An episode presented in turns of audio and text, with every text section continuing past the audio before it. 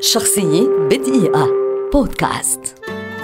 فانجالس واسمه الحقيقي إيفانجيلس أوديسياس باباثناسيو.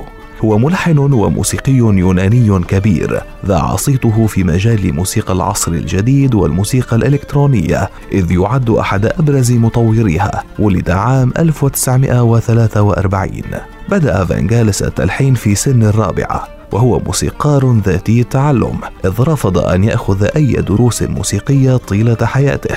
في بداية الستينات أسس فرقة موسيقية اسمها Forminx وأصبحت مشهورة فيما بعد في اليونان لكنها انفصلت عام 1966 في أوج نجاحها ليؤسس بعدها فرقة موسيقية سميت طفل أفرودايت ونجحت نسبيا قبل أن تحل عام 1971 بعدها بعامين أي سنة 1973 كانت سنة انطلاق الحياة العملية المنفردة لفانجاليس خصوصا بعد مشروع الأبوكاليبس ديزانيمو الذي قدم بعده أول ألبوماته المنفردة باسم إيرث قبل أن ينتقل إلى لندن حيث قدم عدة ألبومات في الفترة ما بين عامي 1974 و 1983 منها Heaven and Hell, Spiral و China عام 1981 ألف الموسيقى التصويرية الأشهر له على الإطلاق لفيلم Chariots of Fire والتي حصل عنها على جائزة الأوسكار لأفضل موسيقى تصويرية.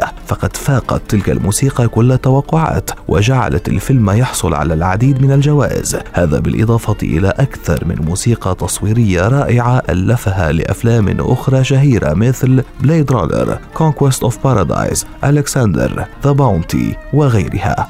عام 2002 ألف فانجالس النشيد الرسمي لبطولة كأس العالم لكرة القدم وفي رصيده اليوم حوالي 30 ألبوما موسيقيا وهو يعد أحد أهم الموسيقيين الذين لا يزالون على قيد الحياة في العالم. شخصية بدقيقة. بودكاست.